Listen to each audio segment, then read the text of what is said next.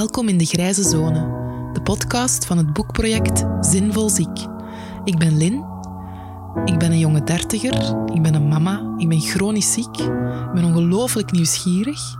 En daarom ben ik op zoek naar manieren om ziek en zinvol weer dichter bij elkaar te brengen. Ik ben op zoek naar het speelveld tussen zwart, zielig ziek in een hoekje, en wit, zo gezegd ongelooflijk zinvol tegen 200 per uur meehollen in de redrace.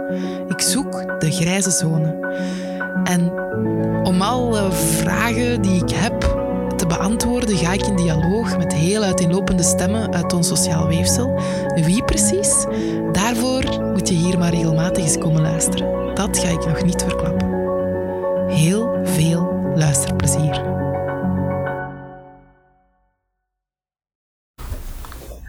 Vandaag mag ik Helena Rubbe verwelkomen in de Grijze Zone. Zij is 19 en zij leeft al voor zolang ze het zich kan herinneren met uh, zware vermoeidheid en heeft sinds haar pakweg 15 de diagnose lupus.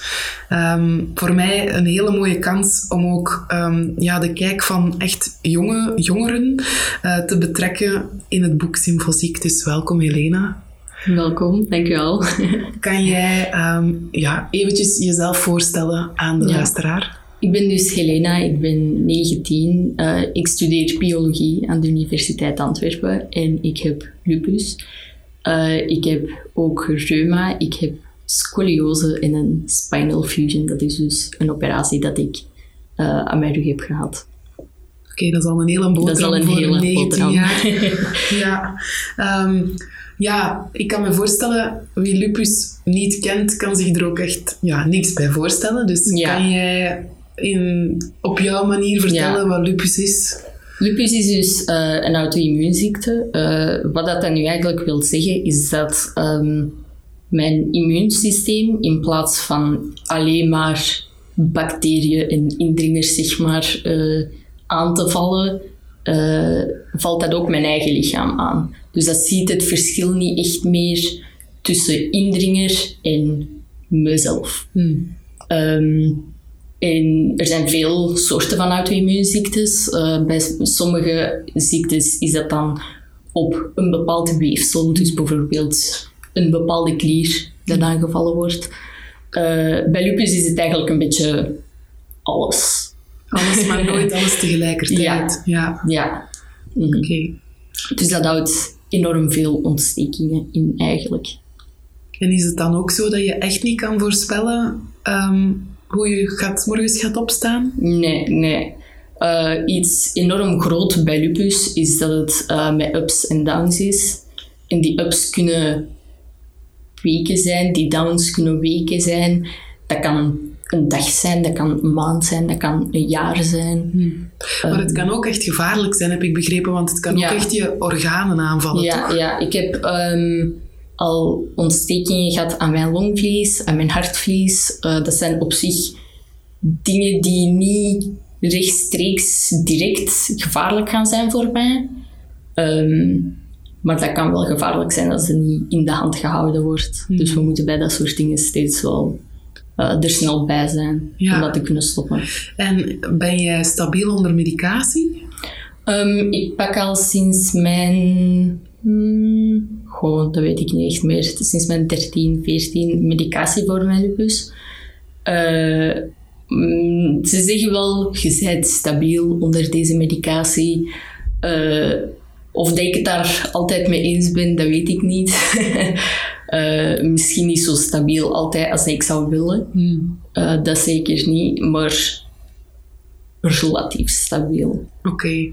En weet je nog um, wat het eerste was wat jij dacht toen, toen jouw problemen een naam kregen, toen die diagnose viel? Dat was vooral logisch voor mij, want ik wist, er klopt iets niet. Hmm met al mijn vermoeidheid en als kind werd ik ook enorm vaak ziek. Dat was elke andere week uh, terug thuis blijven omdat ik ziek was, weer al. Um, wat was de vraag? Wel, wel, ja, brain fog. Ja, echt 100 procent. dat ken ik ook heel goed. Um, de vraag was wat de, wat, de, wat de eerste gedachten waren die, ja, ja, ja, die gingen na je diagnose. Dus dat was eigenlijk vrij logisch voor mij. En ik dacht, super, dan, you know, als we er een naam op kunnen plakken, weten we wat we moeten doen. Mm. Um, ja en nee, uiteindelijk. Uh, we hebben er dan wel juiste medicatie aan kunnen geven, maar dat is geen genezing. Nee. Ik zit er nog wel mee. Mm.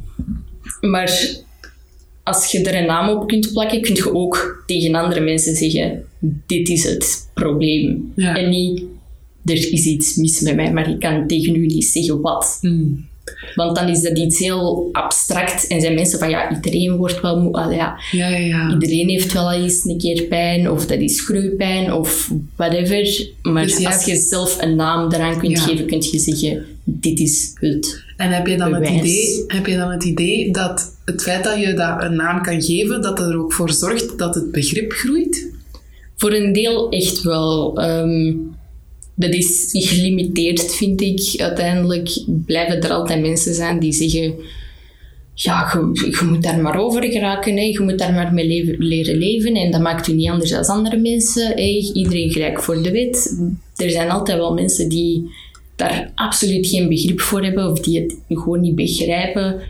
Ehm, maar tegelijkertijd helpt het ook wel gewoon omdat je het beter kunt communiceren. Mm, En heb je, eh, merk je een verschil tussen je leeftijdsgenoten en, en oudere generaties wat dat betreft? Allee, zijn, zijn jouw leeftijdsgenoten daar eh, meer open-minded in? Zo van, oh, we zijn nieuwsgierig, we willen weten wat dat is, we willen dat begrijpen? Goh, ehm, dat weet ik eigenlijk niet goed. Ik denk dat dat ook gewoon verschillend is, omdat mijn leeftijdsgenoten zijn dan vrienden, maar dan iets oudere mensen, dat zijn dan leerkrachten of dokters of familie. En somehow voelt dat gewoon anders, omdat dat gewoon andere relaties zijn. Ehm, dus vrienden, heb ik het gevoel, die willen wel weten wat is dat, omdat die zoiets hebben van, hey, dan kan ik begrip tonen waar het nodig is. Eh, volwassenen hebben dat soms ook, maar ik denk dat de hoeveelheid onbegrip eigenlijk een beetje hetzelfde is. Mm, En hoe, ehm, hoe voelt dat voor jou onbegrip? Want heel veel lotgenoten eh, ehm, benoemen dat zelfs als de pijnlijkste bijwerking. Hè? Bijna erger dan, dan de ziekte zelf. Ja, ja, ja. Hoe, hoe ervaar jij dat? enorm frustrerend. Dat is iets. Het, het probleem vind ik altijd eh, in dat soort situaties als ik, aha, onbegrip, wat nu? Ehm, het probleem dat ik op dat moment altijd vind is, waar ligt je de balans tussen hoeveel dat je uitlegt van hoe dat, dat is voor u en waar laat je het gewoon los van, oké, kijk, deze persoon begrijpt het niet, maar dit is ook niet iemand dat belangrijk is in mijn leven, bijvoorbeeld. Ehm, en hoe diep gaat je om dat uit te leggen? Leg je uit van, ik word elke ochtend wakker met pijn, ik kan niet bewegen 's morgens, ik moet eerst een half uur blijven liggen en mij wat verliggen, eer dat mijn gewrichten wat soepel zijn. Eh, ik heb eh, een vierde middelbaar en een zesde middelbaar, een volledig schooljaar eigenlijk verloren aan in bed liggen en ziek zijn legt je uit hoe dat, dat sociaal zo moeilijk is, dat je enorm veel dingen mist uiteindelijk. Ehm, ja, waar leg je de grens van ik leg mijn leven bloot aan deze persoon om uit te leggen van kijk, dat is moeilijk voor mij en ik heb daar begrip voor nodig. En waar zeg je gewoon van oké, kijk, whatever.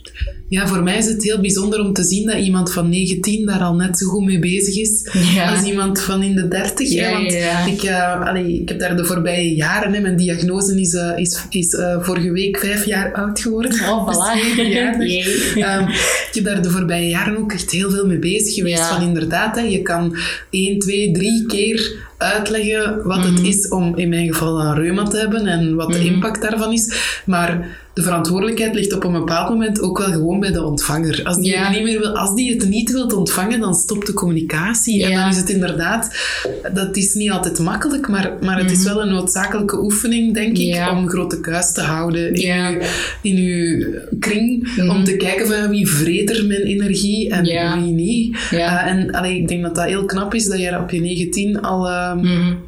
al, bewust, allee, al bewust Ja, ja, doormaakt. ja. En zo van, oké, aan wie leg, geef ik mij bloot en wie is het niet waard? Allee, Ja, dat is-. Ehm, maar eh, ja, heb jij, of, ja, voelde jij je ondersteund door de medische wereld als je je diagnose kreeg? Mm, nee. Nee, kan je daar wat meer over vertellen? Hoe is dat gegaan? Goh, ik heb dus mijn diagnose gekregen, ik denk mm, toen ik 15 of 16 was. Eh, ik ben niet 100% zeker meer. Ook gewoon omdat in die periode ging het niet goed met mijn gezondheid. Ik heb een heel slecht geheugen over het algemeen, maar als het slecht gaat met mij en ik heb enorm weinig energie, ik onthoud echt heel weinig in brain fog en alles zwemt zo wat doorheen en mengelt samen Ja, ja. in mijn geheugen. Maar in ieder geval, toen ik mijn diagnose gekregen heb uiteindelijk, wist ik eigenlijk al een aantal jaren, ik heb lupus. Maar dat was nooit officieel vastgesteld met de juiste criteria en al die dingen. Ehm, dus op het moment dat ik officieel mijn diagnose kreeg, dacht ik, eindelijk eh, hebben we dat officieel vakje. Maar toen ik de eerste keer lupus te horen kreeg, was ik ook gewoon opgelucht uiteindelijk. Maar het was nog steeds raar, want het was, jij hebt lupus. Bye bye, tot de volgende. En dan ga je naar huis en dan denk je, oké, ja. En nu, hè? Wat nu? Hmm. Nu zit ik hier. Wat wil dat zeggen voor mijn toekomst? Eh, wat wil dat zeggen voor, voor mij nu, vandaag? Hoe gaat je daar verder mee om?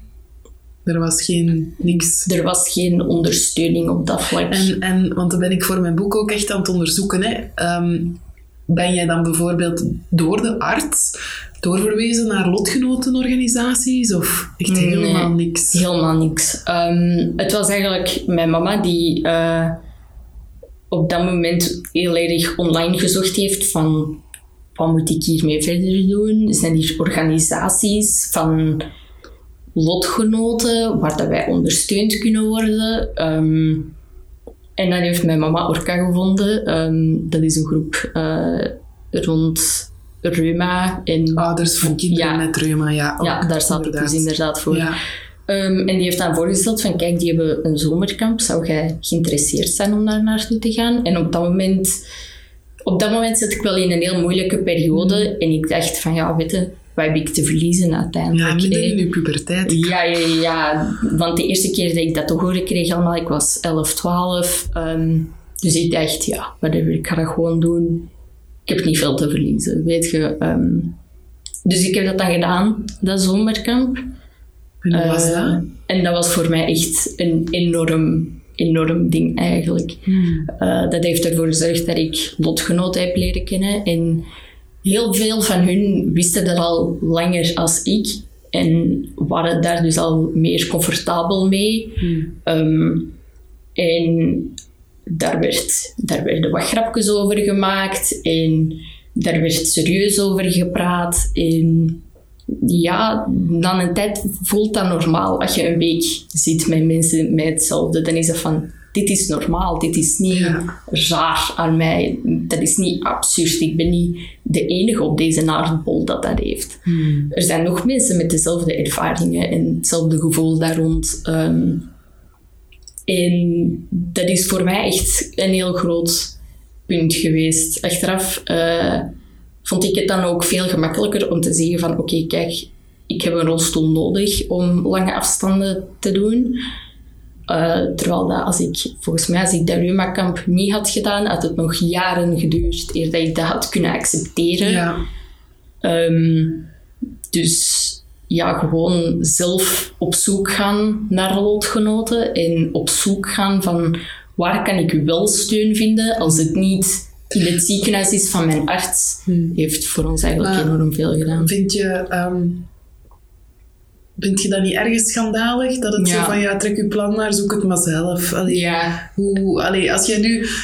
Want we zijn een podcast aan het maken, die Ja, komt op het wereldwijd web, die kan overal naartoe gaan. Als je een, eh, een welgemeende boodschap hebt voor onze zorgverleners, wat zou dat zijn? Laat u helemaal gaan. wel, ik denk, eh, want we hebben het nu vooral even over het moment van diagnose. Ehm, het is heel belangrijk om inderdaad naar lotgenoten te verwijzen. En zelfs al is dat maar gewoon hier is een folder van een organisatie uh, van mensen met dezelfde diagnose of ongeveer dezelfde diagnose.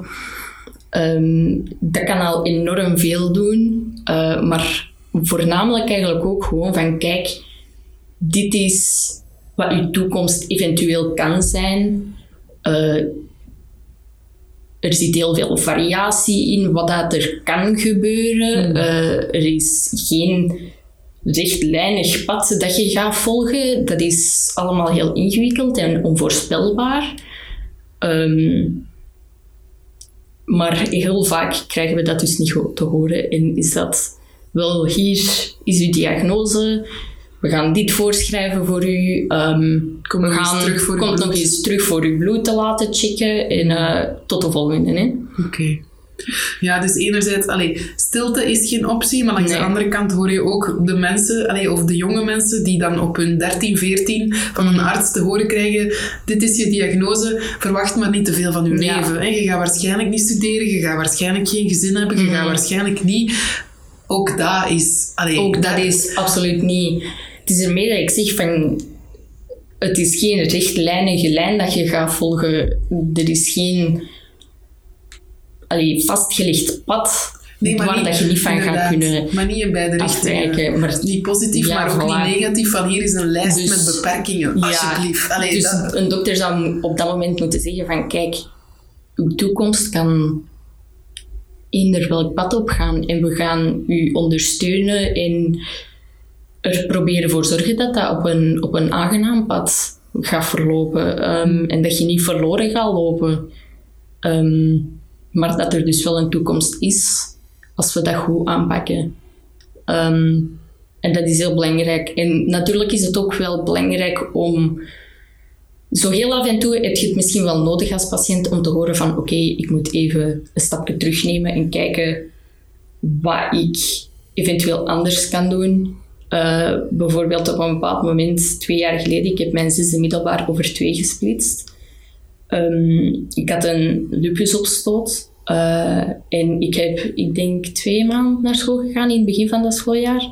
En ik ben gewoon volledig gecrashed en ik was al maanden aan het zeggen tegen mijn dokters van het gaat niet, het gaat niet, help, ik weet niet wat ik moet doen. En telkens werd er gezegd van er is niks te zien in uw bloed, er is niks te zien aan u, tot de volgende.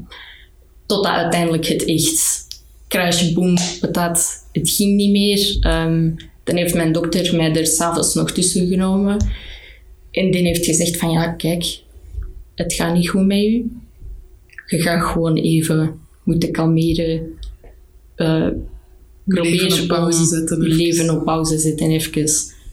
Uw diploma, dat gaat er uiteindelijk komen. Ik geloof daarin. Maar wacht even. Kalmeer even. Uh, ik heb uiteindelijk dat jaar vijf vakken gevolgd, denk ik. Uh, ik heb die uiteindelijk eigenlijk uh, via zelfstudie gedaan. Dus ik ben niet naar school gegaan. Ik heb dat op zelfstandig gedaan. Ik heb de examens gedaan.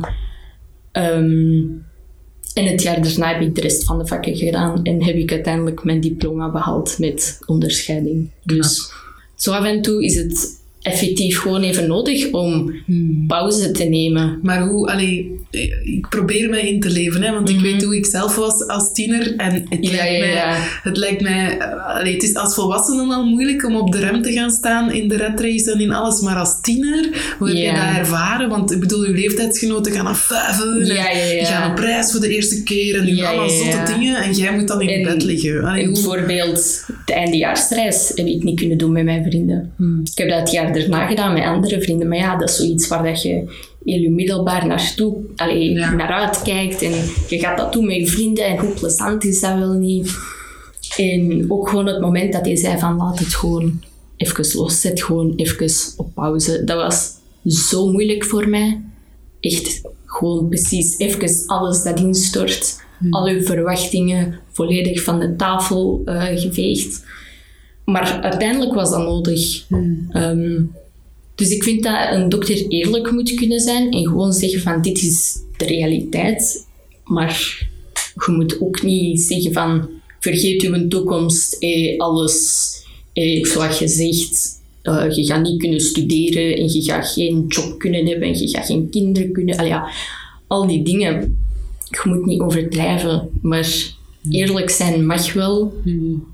En soms houdt dat nu eenmaal in van kijk, even pauze nemen, even je gezondheid terug on track krijgen en dan achteraf kun je terug verder op een tempo dat juist is voor u. Hmm. En uiteindelijk geraakt je er wel. Ja, en heb jij, ehm, want ja, ze zeggen, en ik heb dat zelf ook al ervaren natuurlijk, dat verlies van gezondheid, en zeker op zo'n manier, ehm, dat dat een rouwproces op zichzelf Ja. is. Ehm, waar sta jij nu, denk je? Hoe, hoe- waar plaats jij jezelf in de, in de verwerkingsfase? Ik denk dat dat iets heel dynamisch is uiteindelijk.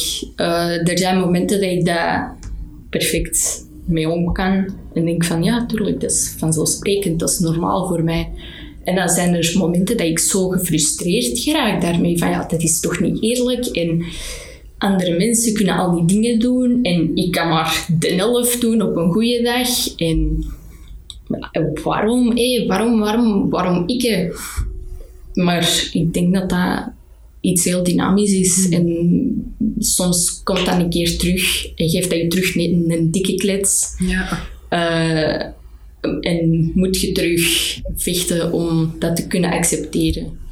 Eh, maar ik denk een heel groot ding is gewoon uw verwachtingen en uw, ja, uw, uw doel op een dag aanpassen. Van kijk, ik wil gewoon gelukkig zijn en ik wil gewoon, bijvoorbeeld vandaag, het is een slechte dag, ik wil gewoon even mijn plant water geven en voilà super, ik ben uit bed geraakt. Ik heb mijn kamer even opgeruimd. En soms is dat nu eenmaal het enige dat je kunt doen. En je zet het raam eens een keer open, zon schijnt, vogeltjes fluiten. En dan ga je verder naar de volgende dag. En misschien gaat het dan beter, misschien niet. En telkens opnieuw moet je gewoon kijken van ja, wat is er nu gewoon mogelijk voor mij? En erin geloven dat uiteindelijk er terug een moment komt dat je het terug een beetje beter gaat. En gewoon daarop geloven. Hmm. En heb jij, je, heb jij je laten ondersteunen in het aanvaardingsproces? Heb jij bijvoorbeeld therapie gevolgd? Of heb jij... Ehm, wel, sinds dit jaar wel, eh, maar daarvoor eigenlijk niet. Nee, en maakt het een verschil? Ja, echt wel. Hmm. Ehm, want ik ben heel lang met zo echt boos blijven zitten van. En voornamelijk eigenlijk met het onbegrip ben ik heel lang blijven zitten. Ik denk het verwerken van eh, verlies, van dingen die ik niet meer kan doen, gelijk eh, gaan joggen of weet ik veel. Dat vind, vond ik eigenlijk gemakkelijker om te verwerken dan eh, het onbegrip. Eh, daar heb ik eigenlijk veel meer problemen mee gehad om dat te verwerken. Want dan denk ik van, oké, kijk, ik ben nu boos omdat er iets gebeurd is met een leerkracht bijvoorbeeld. Ik laat het los en dan een jaar later besef ik dat ik daar eigenlijk nog boos om ben. En door eindelijk naar therapie te gaan, heb ik dat wel kunnen verwerken. Maar ik denk dus eigenlijk dat ik vooral daaraan baat bij heb gehad. Terwijl het loslaten en het aanvaarden van dat verlies eh, vond ik persoonlijk moeilijk, maar gemakkelijker om op mijn eentje te doen.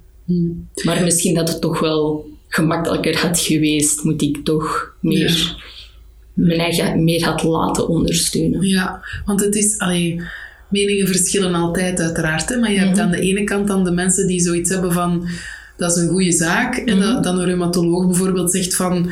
Hier is uw diagnose, hiernaast zit een psycholoog. Als het niet goed gaat, gaat daar tegen praten. En dan heb je de tegenbeweging die zoiets heeft van... Maar een, een ziekte hebben of, of een handicap of, of iets chronisch... Dat, dat, dat maakt u niet ehm, psychologisch instabiel. Allee, Nee. Je hoeft niet per se... Een, Nee. de, de, de, de dokters zelf zouden ook wel eens wat tijd mogen maken Ja. om te praten met hun patiënten en het, man- het mentale proces ook mee te beleven. En niet gewoon te zeggen van, niet mijn verantwoordelijkheid, ga maar ergens anders naartoe. Dus het is, het is moeilijk, maar als je natuurlijk dan aan de patiënten zelf vraagt, heb je er baat bij, bij een therapeut?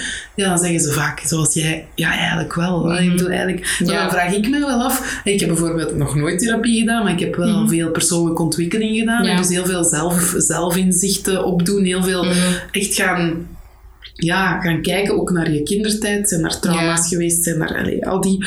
Om, om mijn veerkracht te verhogen, om mijn pijn te dragen. En Ja, want het is dat vaak, die pijn gaat niet minder worden als je in therapie gaat. Maar hoe je ermee omgaat, wordt wel anders. Ehm, maar dan denk ik, ja, is dat echt nodig dat je daar iemand voor moet liggen betalen? Of kun je zoiets ook met lotgenoten of met vrienden of met iemand die gewoon heel veel mensenkennis heeft? Of allee, heb je, hebben we dat, allee, is het echt nodig om dan, want de, de medische kosten zijn al hoog genoeg, hè, Ja, ja, ja. om daar dan ook nog eens een keer Ja, ja, 60 ja. euro per uur aan te betalen om, om met iemand te gaan praten? Allee, kijk je daarnaar? Ehm, goh, ja, ik vind ten eerste sowieso dat dokters iets meer moeten zeggen van kijk, dat is moeilijk. ehm, lotgenoten, eh, al die dingen die ik daar straks al gezegd heb.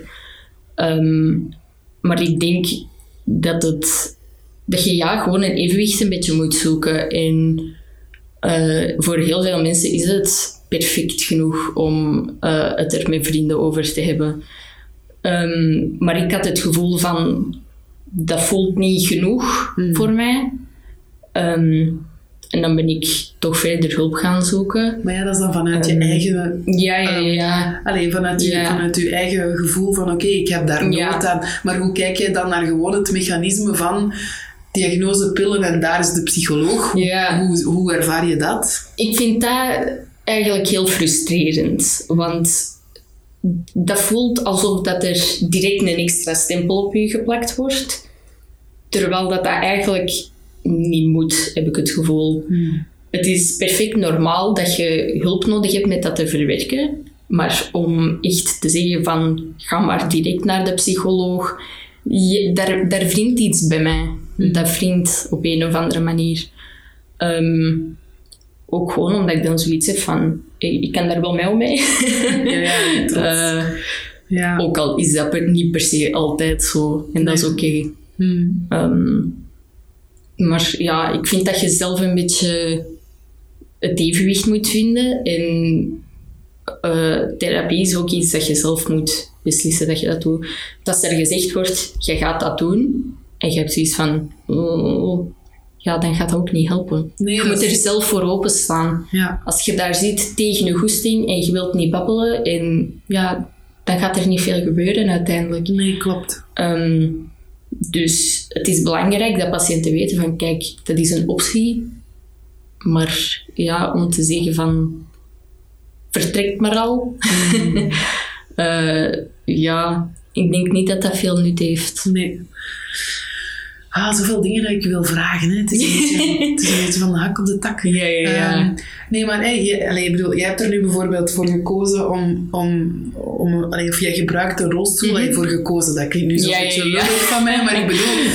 Voor jou ja. is dat... Jij hebt zoiets van, oké, lange afstanden. Ze Mhm. matten mij af als ik dat niet doe, dus ik doe dat wel. Mhm. Ehm, maar je hoort tegelijkertijd bijvoorbeeld heel veel mensen met on- onzichtbare aandoeningen, zoals wij uiteindelijk wel hebben. Hè. Als ze semi onder controle zijn, zie je dat niet aan ons, dat wij iets mankeren.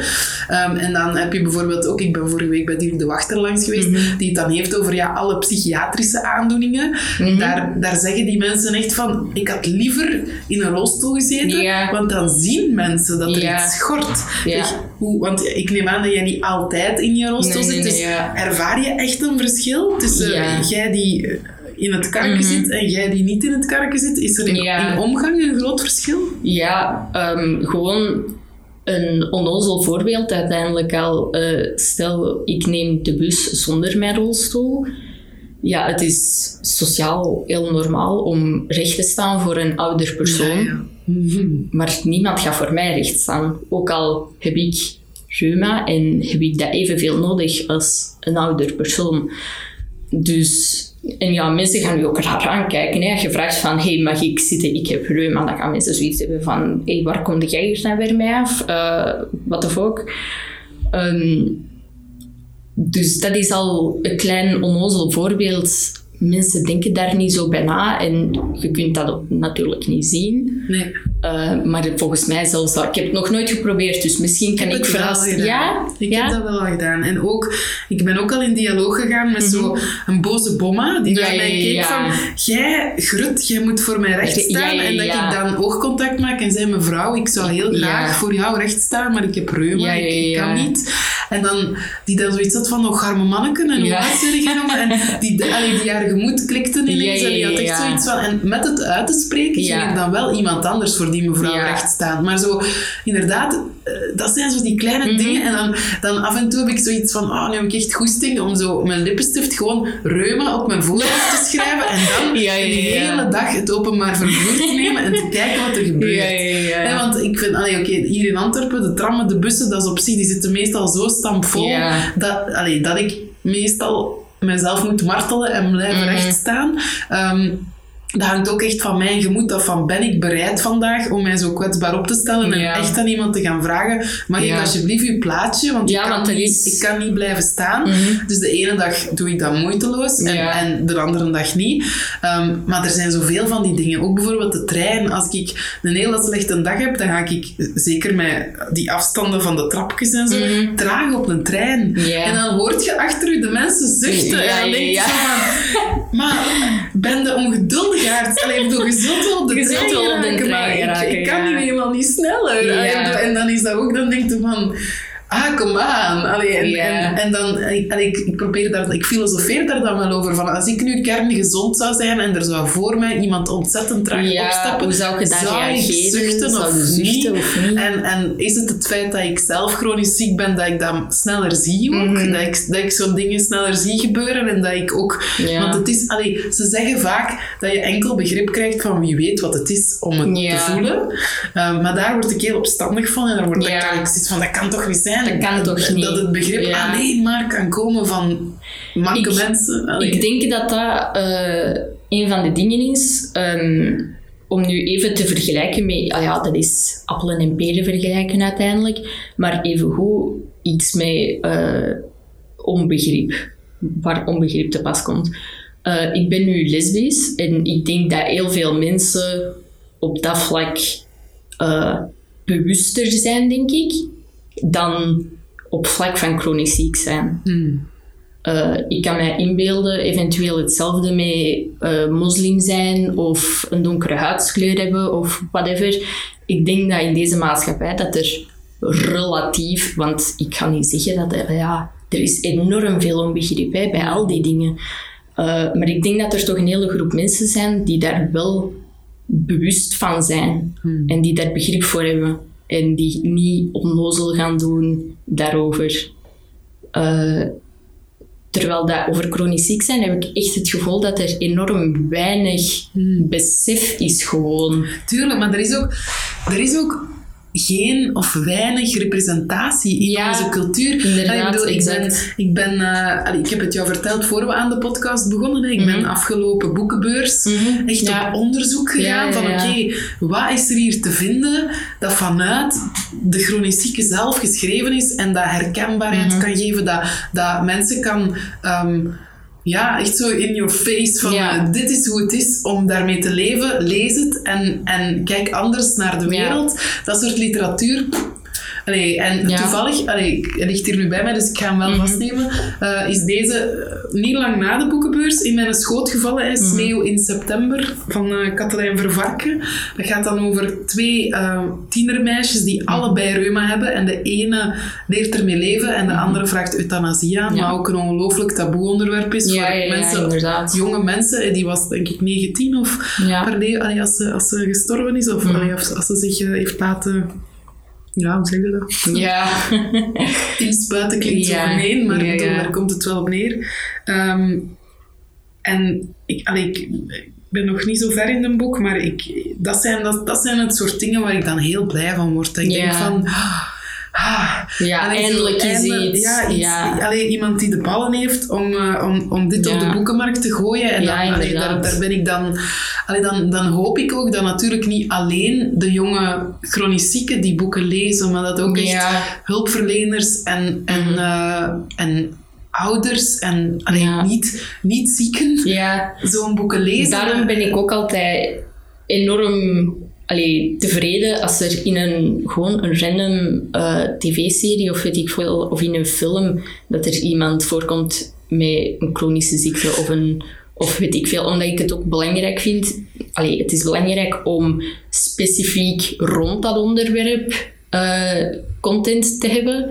Eh, boeken, serie, whatever. Ehm, het is belangrijk om speciaal rond dat onderwerp te doen, maar ik vind het ook belangrijk om gewoon dat in, geïntegreerd in de sidelines van een verhaal erin te weven, zeg maar. Maar vind jij dan dat die, allee, op dit moment, hè, Mhm. als je nu kijkt naar wat er nu bestaat, dat dat eh, realistische representatie is? Want mijn, mijn ervaring is, als ze een zieke meenemen nu in een Mhm. film of in een serie, dan is die persoon zijn ziekte.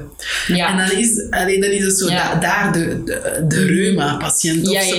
Maar dan zijt je gewoon die ziekte en dan is het het feit dat ze... Dat is zo bijna een politiek correct idee van er moet overal een, een, iemand met een donkere huid, er moet overal iemand met een holibi-achtergrond in zitten. Er moet, er moet uh, goh, wat gaan we er nog bij steken? Boah. Ja. Allee, zo voelt het een beetje van...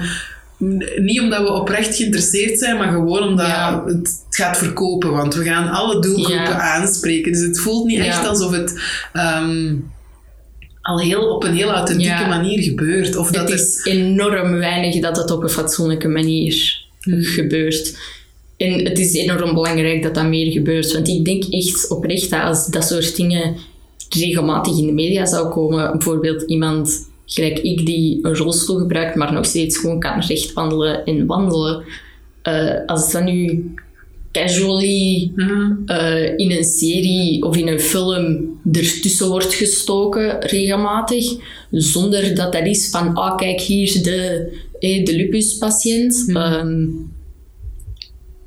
dan zouden mensen dat zien en denken, ah, sommige mensen gebruiken een rolstoel, maar kunnen nog steeds wandelen. Ja. Terwijl dat als ik nu in het openbaar in mijn rolstoel zit en bijvoorbeeld heel vaak gebeurt het, eh, je zit ergens iets te drinken, je moet naar het toilet, maar de stoel is... Ah ja, ja, dus je stapt, je stapt uit dus je je stapt rolstoel, gewoon ja. even uit omdat je denkt, het is hier rommelig, ik zou hier overal moeten vragen van, kunt je even aan de kant, pardon, pardon, mag ik even door?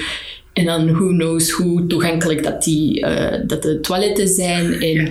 allee, ja, dus je denkt, whatever, ik sta gewoon eventjes recht, ik wandel tot daar. Dan kunnen mensen echt enorm absurd reageren van, die, die staat recht of oh my god en, en wat? En ah ja, dat je denkt van, mannetjes, het is nou niet, ah ja, Ja, toen mij heel hard denken... Allee, ik denk dat het vorige week of twee weken geleden is dat ik een stukje van De Ideale Wereld had gezien met William Boeva. Die ken je wel. Ken je die? Die komiek.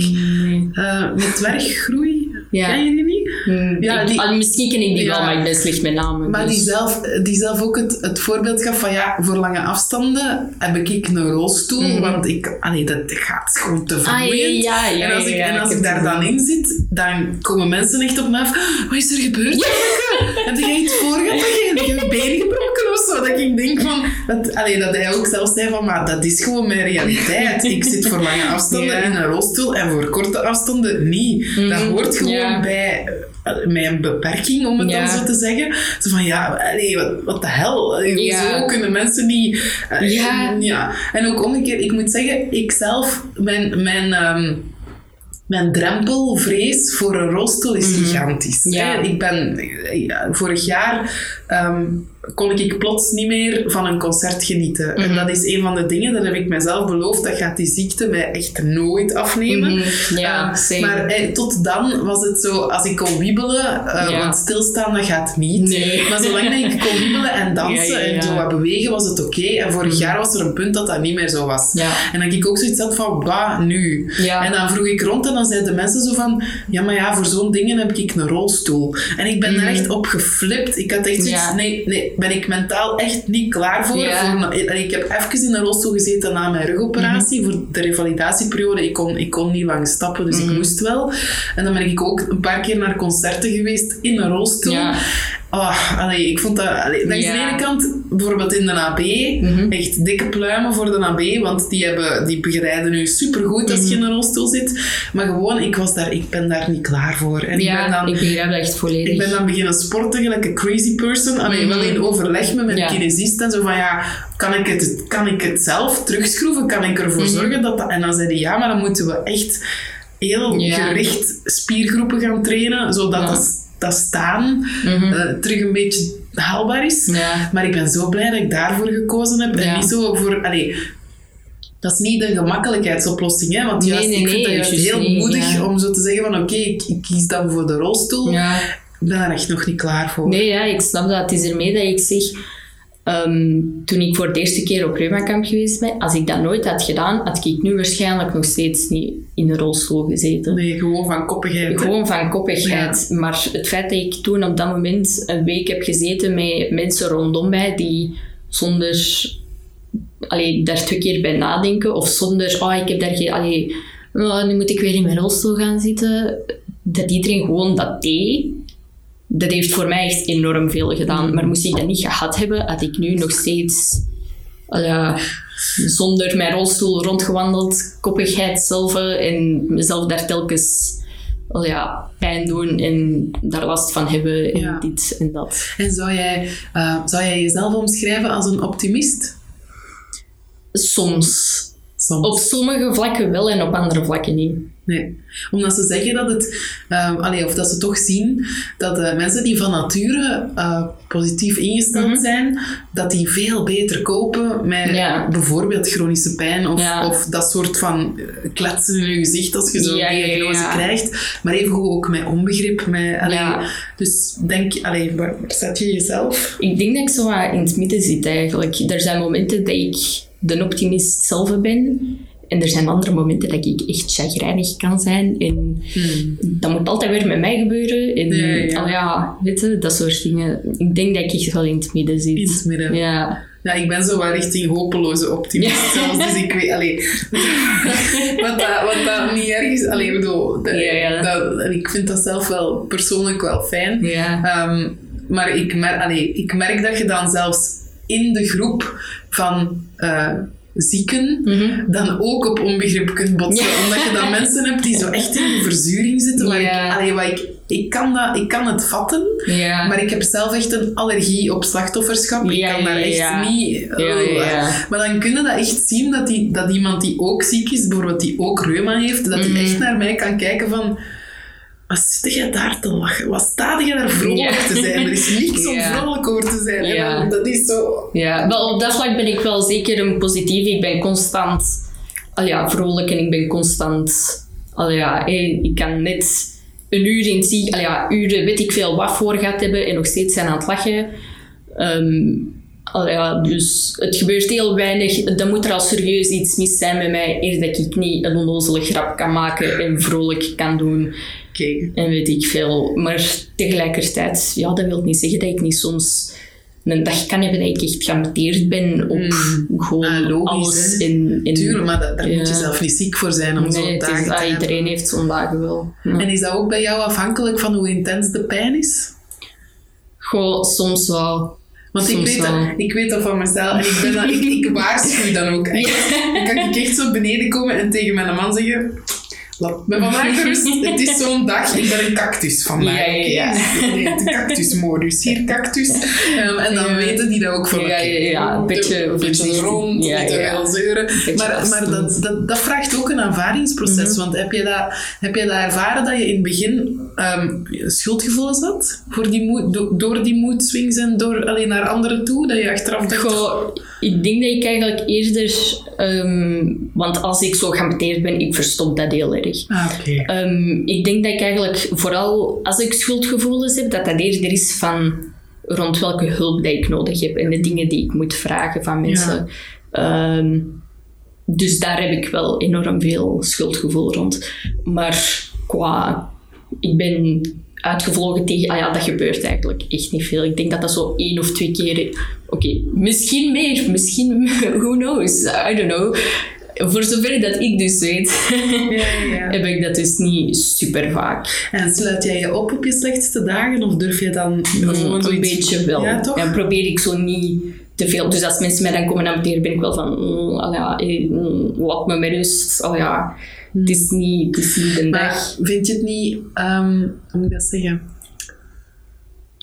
Ehm, vind je het niet voor een stukje aan ons om, om ons ook te tonen net op, op die meest fragile, Ja. meest kwetsbare momenten? Wel, ik denk 100% ja, maar ik heb zoiets van als ik dan toch maar gewoon als ik weet dat ik geambeterd ben en dat ik ambetant ga reageren, dan heb ik zoiets van ik heb daar zelf geen zin in. Nee, nee, dat begrijp En ik. dan laat ik het zelf gewoon zo. Maar ehm, qua tonen van het gaat niet goed en weet ik veel, dat vind ik wel heel belangrijk. Mm. Maar ik vind dat soms wel moeilijk om te doen. Tuurlijk. Ehm, want ja, als het slecht gaat en je, je geraakt niet uit bed, ja, waar zit je dan in bed? Hè? Ja, in bed. Maar bijvoorbeeld, ik heb... ehm, ik had, eh, ik denk dat ondertussen al twee weken geleden is, heb ik ook een podcast met Heidi Leenaerts gemaakt. eh, van Clara. Ik, allee, die heeft ook reuma natuurlijk. Ehm, en dat is een publiek gezicht, dus dat Ja. is dan weer zo. En Ja, ja, die, zei, die zei zelf ook van op onze slechtste dagen laten we ons niet zien. Mhm. En als we buiten komen, dan versieren we ons meestal nog met wat make-up en we doen iets fleurig aan, want we komen dan eens buiten en we willen blij zijn. en dan zeggen mensen, amai, je ziet er goed uit. Tussen haakjes voor een chronisch zieke. Dat, dat denken ze dan, maar dat zeggen ze dan niet luid op. Ja. Ehm, dus dat is ook een hele moeilijke dynamiek. Ehm, en ik heb bijvoorbeeld vorige week, allee, dat was vlak nadat ik die podcast met haar gemaakt had, Mhm. de dag erna ben ik wakker geworden, echt in een opstoot, maar echt een Mhm. reuma-opstoot van je welste. En ja, die woorden ja. hingen zo nog wat in mijn hoofd en ik had zoiets van, oké, ik ga dat eens doorbreken. Ik ga gewoon Mhm. eens een ongefilterde foto maken Ja. van hoe ik eruit zie als ik juist Ja, gejankt heb van de pijn. toen, ja. Ja, ik had zoiets van, oké, ik ga dat gewoon delen. Ja. En eh, met, een beetje, ehm, met een beetje piepers wel, want ik dacht van, dat kan alle kanten uit. Maar de reacties waren heel mooi. Ik zag dat ik dacht, yes. Ja, ah, wel, voilà. Maar heel veel mensen hebben daar echt op gereageerd van, dank u. Allee, Ja. weet je, zo van, ik heb, Dat is zel- ik- eerlijk, zo van, ik ja. heb zelf de moed niet om dit te doen, maar ik ben wel heel Mm. erg blij Ja. dat, dat je het een gezicht durft geven van, dit is...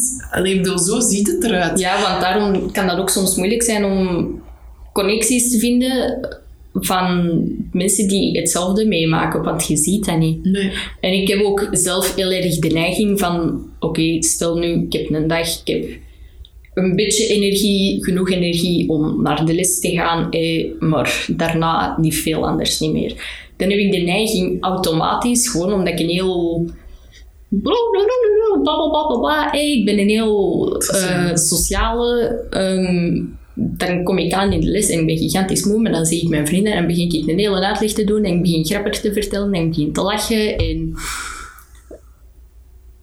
tegen dat die les gedaan is en ik ga naar huis, dan ineens crash ik en val ik neer in een hoopje. ehm, en dan besef ik van ja, ik heb nu een hele dag, allee, ik heb nu geen superdag gehad, maar voor mijn vrienden lijkt dat wel zo. Mm. Dus dan lijkt dat soms, heb ik soms schrik van ja, ik kom buiten en ik eh, je pomp mezelf vol met adrenaline eigenlijk Ja. om door te gaan. En dan achteraf zak ik ineen. Dus mensen zien alleen, oh kijk, die is super energetisch vandaag. Terwijl dat het eigenlijk helemaal niet zo is. En dat ik eigenlijk gewoon mijn eigen heb volgepompt met adrenaline. Maar dan tegelijkertijd denk ik van ja, ik wil nu ook niet dat niet doen. Mm.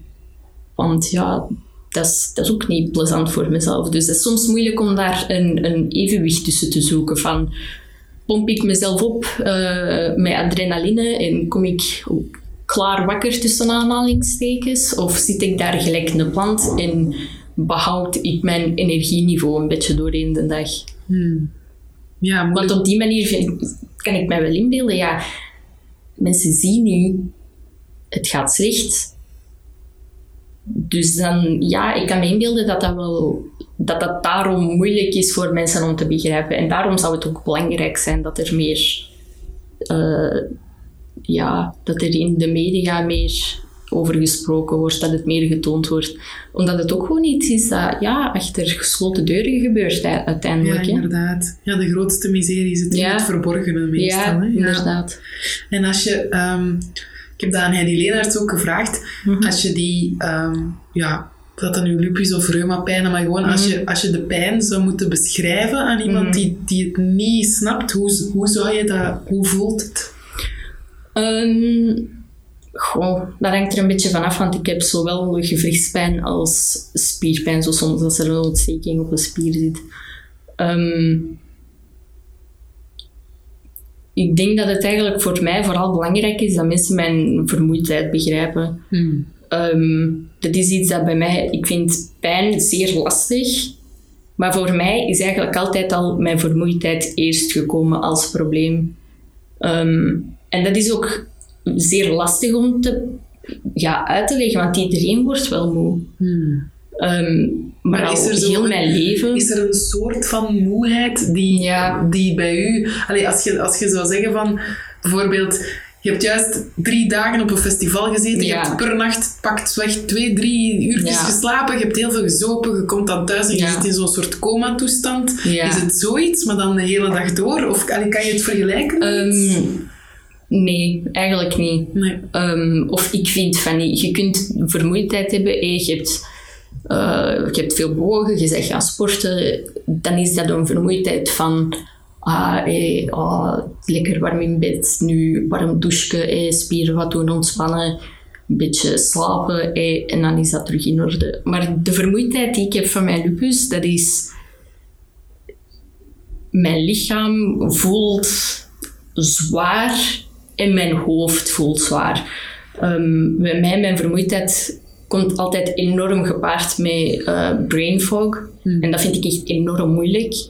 Want het is moeilijk om, als mensen iets zeggen tegen u, is dat moeilijk om te verwerken van wat zeggen die nu?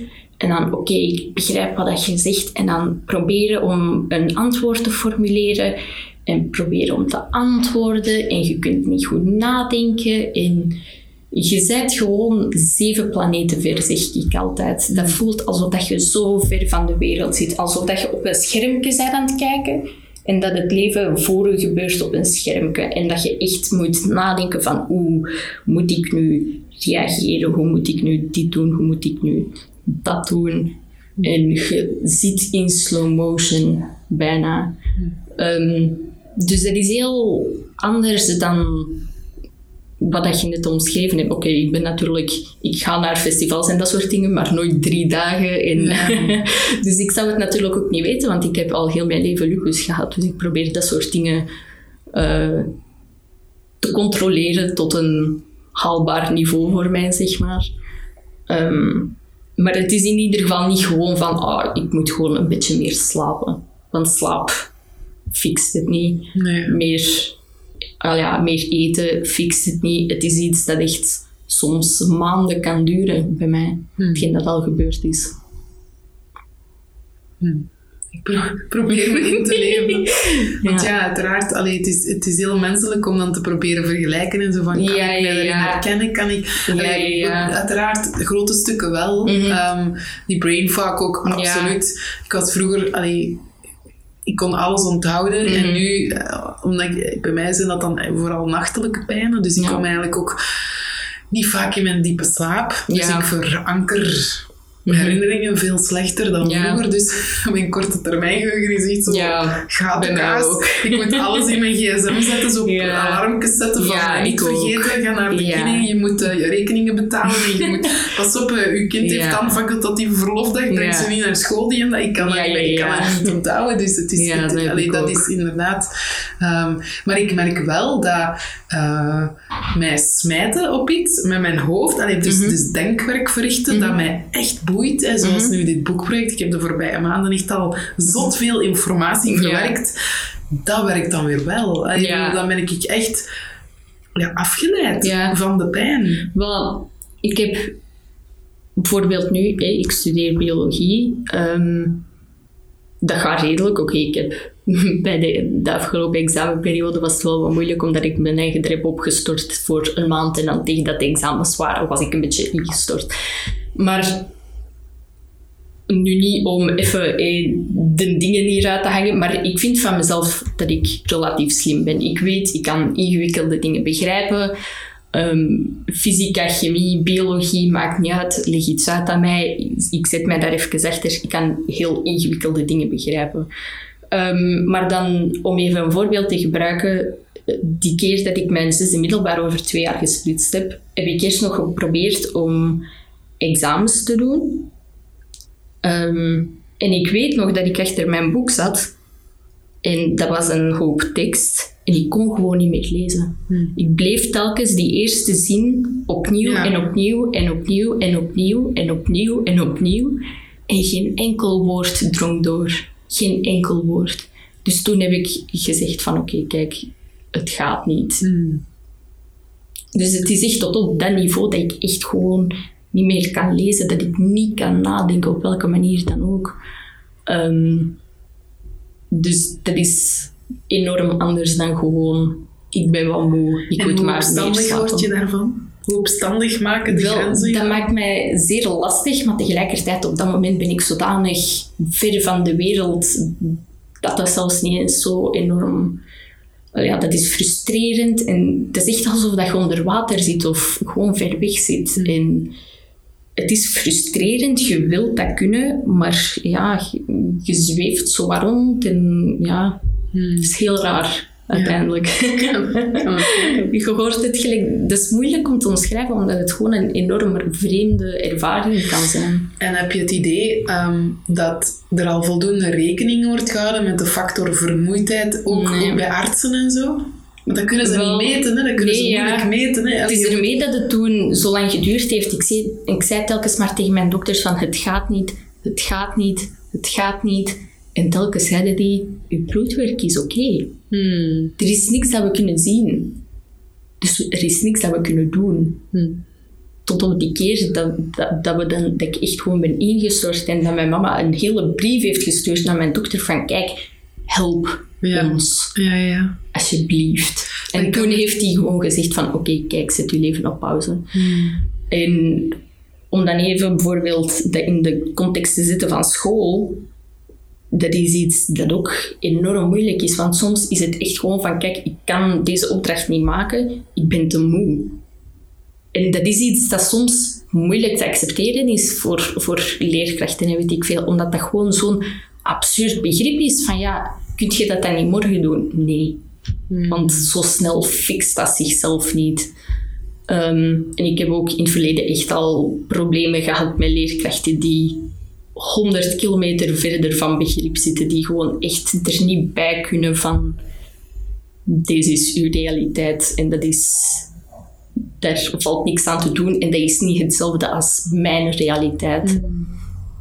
Ja, ja, mensen zetten zichzelf makkelijk als maatstaf. Ja. En dat is, dat is ook een menselijke reactie, Ja, inderdaad. En, allee, als je, ehm, ja, ik denk dat ik het in de, in de voorbije afleveringen al een aantal keer heb aangehaald, maar ehm, ik had het boek gelezen over normaliteit en andere afwijkingen van Paul Verhagen. En daar heeft hij het over eh, zo het, de metafoor van de vissen die geboren Mhm. worden in de zee en die ehm, ja, heel hun leven daarin zwemmen. En Ja. als iemand van, aan- van op het strand dan zegt, amai, dat is mooi water waar dat die Mhm. in zwemmen, dat die dan, wat is water?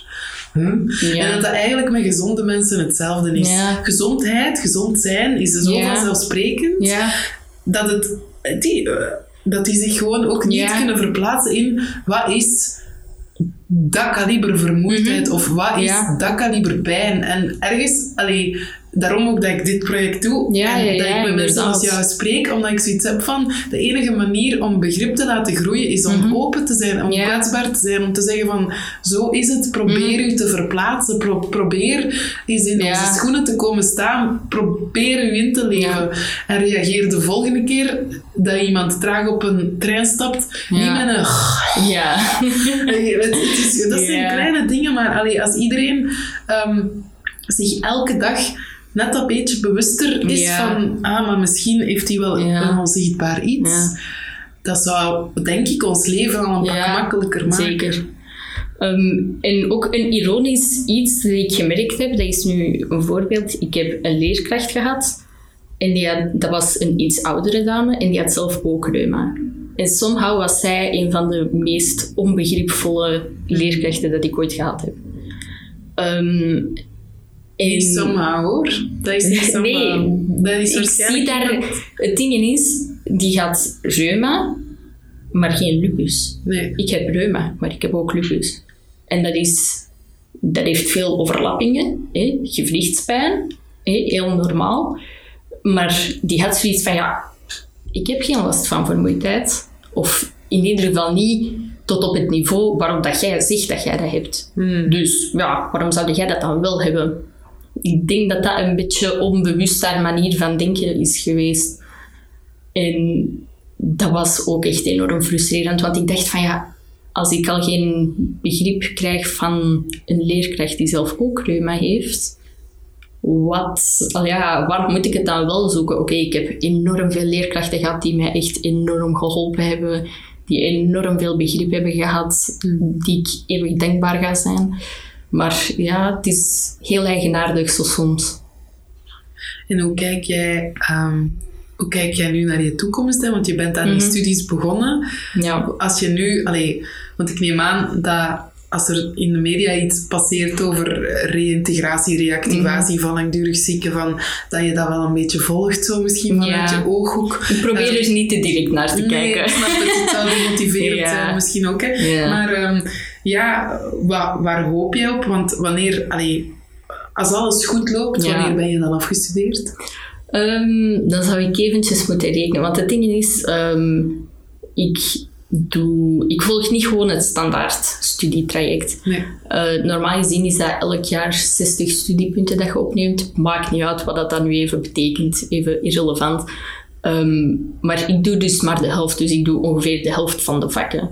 Dus jij gaat Ehm, eigenlijk dubbel zo lang over je Dus ik ga er dubbel zo lang over Dus doen. pak, pak dat je nu binnen 7, 8 jaar, Ja. whatever, klaar zit voor de arbeidsmarkt. Ja. Hoe- Wat hoop jij voor, allee, hoe hoop jij dat de arbeidsmarkt er dan binnen 8 jaar gaat uitzien? Wel, om heel eerlijk te zijn, heb ik zoiets van... Heb ik daar eigenlijk heel weinig hoop of gedachten over. Omdat ik nu gewoon zoiets heb van... Kijk, op het moment, ik ben aan het studeren. Ik heb dat altijd al willen doen. Als kind wou ik wetenschapper worden. Eh, voor mij is dat ondertussen mission accomplished of mission... Ik ben er mee bezig. Ja. Ik sta er te middenin. Ehm, en ja, wat dat daarna komt, ik probeer daar niet te veel over na te denken. Niet te ik ben vooruit zeker, nee, dat is iets dat ik eigenlijk al lang niet meer doe, omdat ik gewoon zoiets heb van, mijn lupus is zodanig all over the place. Ik weet niet waar dat ik binnen een jaar ga staan, wat staan binnen zeven, acht jaar. Ehm, dus ja, ik ga eerlijk zijn, eigenlijk zoveel denk ik daar niet over na. Ik heb daar echt absoluut geen beeld over. Nee. Ik heb dat al lang geleden losgelaten om gewoon te zeggen van kijk, ik ben blij met wat ik bezig ben. Ik ben blij met waar ik sta in het leven en ik ga gewoon zo verder. Oké. En nog iets dat ik, eh, dat ik aan het onderzoeken ben, is ehm, wat de gouden randjes zijn van ziek zijn. Mhm, En ik vind dat de collateral beauty. En ik, ik, ik vind dat een heel mooi idee. Ja. dat zo vanuit, vanuit diep verdriet en rouw en verlies, dat daar toch ook hele mooie dingen kunnen uit ontstaan. Dus heb je een aantal voorbeelden wat voor jou dan ehm, de schoonheid aan, aan de lupus is? Of aan, allee, aan, aan de situatie? Wel, ik denk ten eerste, hetgeen dat ik nu net gezegd heb, vind ik eigenlijk al voor mij een voordeel. Misschien dat mensen dat horen en denken van, oh, hoe zielig. Maar ik vind dat niet zielig. Dat is voor mij, ja, ik moet daar nu, niet- om in het nu te leven. Ja, ja, ik denk niet te veel na over ja, binnen een jaar, binnen twee jaar. Hoe, hé, ik heb, ja, ik trek mij dat eigenlijk echt al lang niet meer aan. Zolang dat ik binnenkort maar naar het Green Day concert kan gaan en die dingen, heb ik zoiets van ja, dat is allemaal goed. Hè. Ehm, dus gewoon weten dat je kunt loslaten van die dingen Hmm. eh, vind ik al enorm fantastisch. En ehm, iets dat heel dubbelzijdig is, is voor mij, is ehm, het feit dat ik zo weinig, eh, zoveel mis en dat ik zo weinig doe. Ehm, het doet enorm veel pijn om te zien als ik iets wou gaan doen en dat gaat dan niet en mijn vrienden gaan dat nog steeds doen en je ziet dan echt foto's en je denkt, ah, dat moet zo leuk geweest zijn en ik lag ziek in bed en ah, ik heb dat gemist en godverdomme. Maar tegelijkertijd, die dingen zorgen ervoor dat als ik wel iets kan gaan doen en ik sta bijvoorbeeld op graspop tussen de mensen, dan geniet ik daar echt honderd keren meer van. Omdat ik weet van, voor hetzelfde geld had ik nu in mijn bed gelegen. Mm. Vorige week lag ik in mijn bed. Volgende week lig ik in mijn bed. Ja. Maar nu niet. Dus die appreciatie Dus nu voor alles sta ik is hier, dus dan geniet ik daar honderd keren zoveel van. Ja. En die momenten onthoud ik. En dan beloof ik aan mezelf van kijk, ook al door mijn brain fog weet ik deze moment misschien niet eh, helder meer. Ik weet dat dat terugkomt. Ik weet dat dat terugkomt omdat ik dat beloof aan mezelf op zo'n momenten. Ah, dat is mooi. En heb jij nog eh, ja, een persoonlijke boodschap voor ons manke mensen? Iets dat je nog wil meegeven vanuit je Ehm. eigen leefwereld? Van, ga, Wees zo luid als dat je maar zijn kunt. Laat het niet in de schaduw liggen. Ga er gewoon voor. dank u. Dank u.